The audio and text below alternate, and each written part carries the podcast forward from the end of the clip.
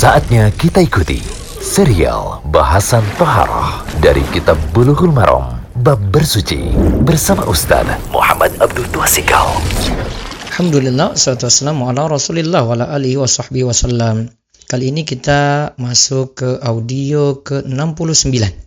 Bulughul Maram, Kitab Toharoh tentang mandi dan hukum seputar junub. Ini pembahasan penting lagi, apakah wanita haid boleh masuk masjid? Ini sering ditanyakan oleh para muslimah, apakah wanita haid itu boleh masuk masjid?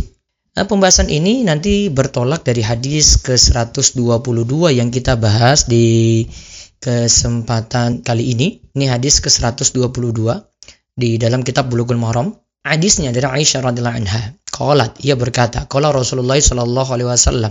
Aisyah radhiyallahu anha itu berkata bahwa Rasulullah sallallahu alaihi wasallam bersabda, Aku tidaklah membolehkan wanita haid dan junub memasuki masjid. Inilah uhillul masjidah li haidin wala junubin.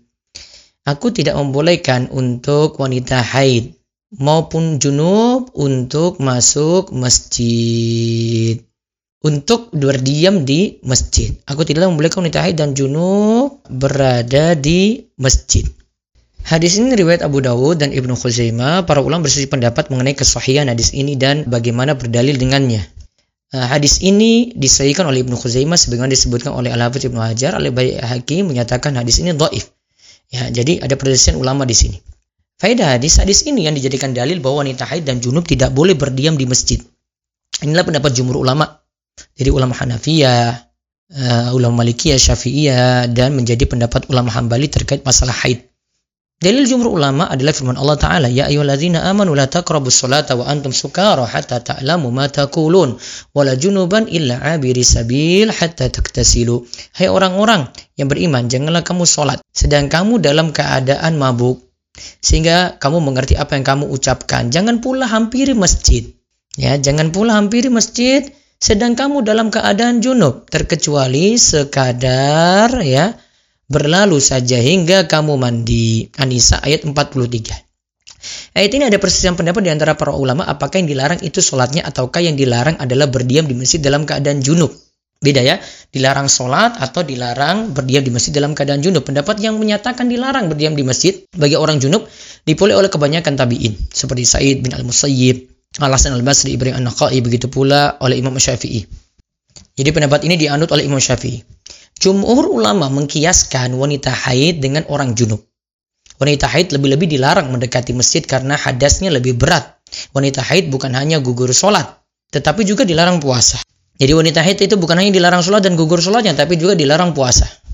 Sedangkan orang junub masih diperintahkan puasa dan diberitakan sholat ketika sudah mandi. Kalau puasa dia tinggal langsung puasa saja. Yang penting Ya kalau misalnya dia junub di siang hari ya puasanya masih dia lanjut buktinya. Kalau dia dalam keadaan junub juga kalau mau sholat sudah suruh mandi saja.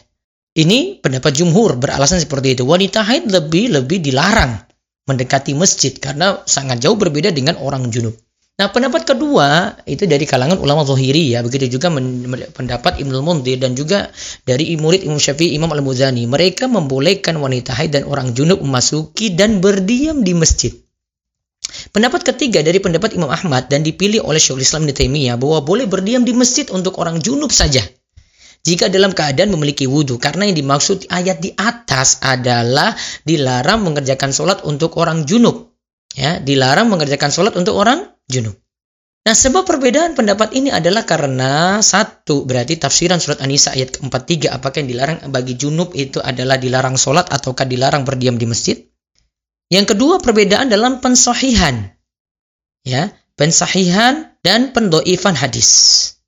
Kesimpulan hukum wanita haid dan orang junub masuk masjid. Pertama, jumhur ulama berpendapat bahwa orang junub tidak boleh berdiam di masjid, hanya boleh melewati saja. Dia hanya boleh melewati. Larangan ini berdasarkan surat An-Nisa ayat 43. Yang dimaksud ayat janganlah mendekati sholat adalah janganlah mendekati tempat sholat yaitu masjid. Ya, Jadi Ayat tadi itu sudah dapat keterangan jelas ya. Wala junuban itu maksudnya itu jangan mendekati masjid. Jadi bukan hanya sholatnya yang dilarang untuk orang junub ya, namun masjidnya. Jadi orang junub tidak boleh mendekati masjid, termasuk berdiam di dalam masjid berarti.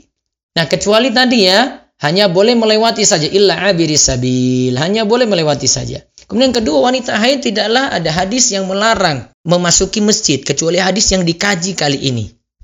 Sedangkan pengkiasan wanita haid dengan orang junub tidaklah tepat karena orang junub masih bisa dengan segera bersuci. Sehingga pendapat yang tepat wanita haid masih boleh berdiam di masjid yang tidak yang penting tidak mengotori masjid. Kemudian yang ketiga, jika wanita haid sekadar lewat saja atau mengambil sesuatu di masjid hukumnya boleh. Dalilnya adalah dari Aisyah radhiyallahu anha, ia berkata bahwa Rasulullah shallallahu alaihi wasallam bersabda padanya, "Nawilinil khumrata minal masjidi fakultu inni haidun." Faqala Rasulullah shallallahu alaihi wasallam, "Inna haidataki laysat fi yadik." Ambilkan untuk khumrah sajadah kecil dari masjid, sesungguhnya aku sedang haid. Jawab Aisyah. Rasul suruh ambilkan khumrah sajadah kecil dari masjid. Kemudian Aisyah jawab, sesungguhnya aku sedang haid.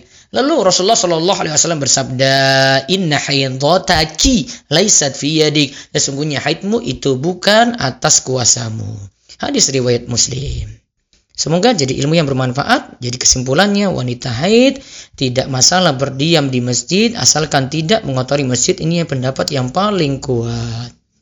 Wallahu a'lam. Demikian serial bahasan Toharoh dari Kitab Bulughul Maram Bab Bersuci bersama Ustaz Muhammad Abdul Tuasikal.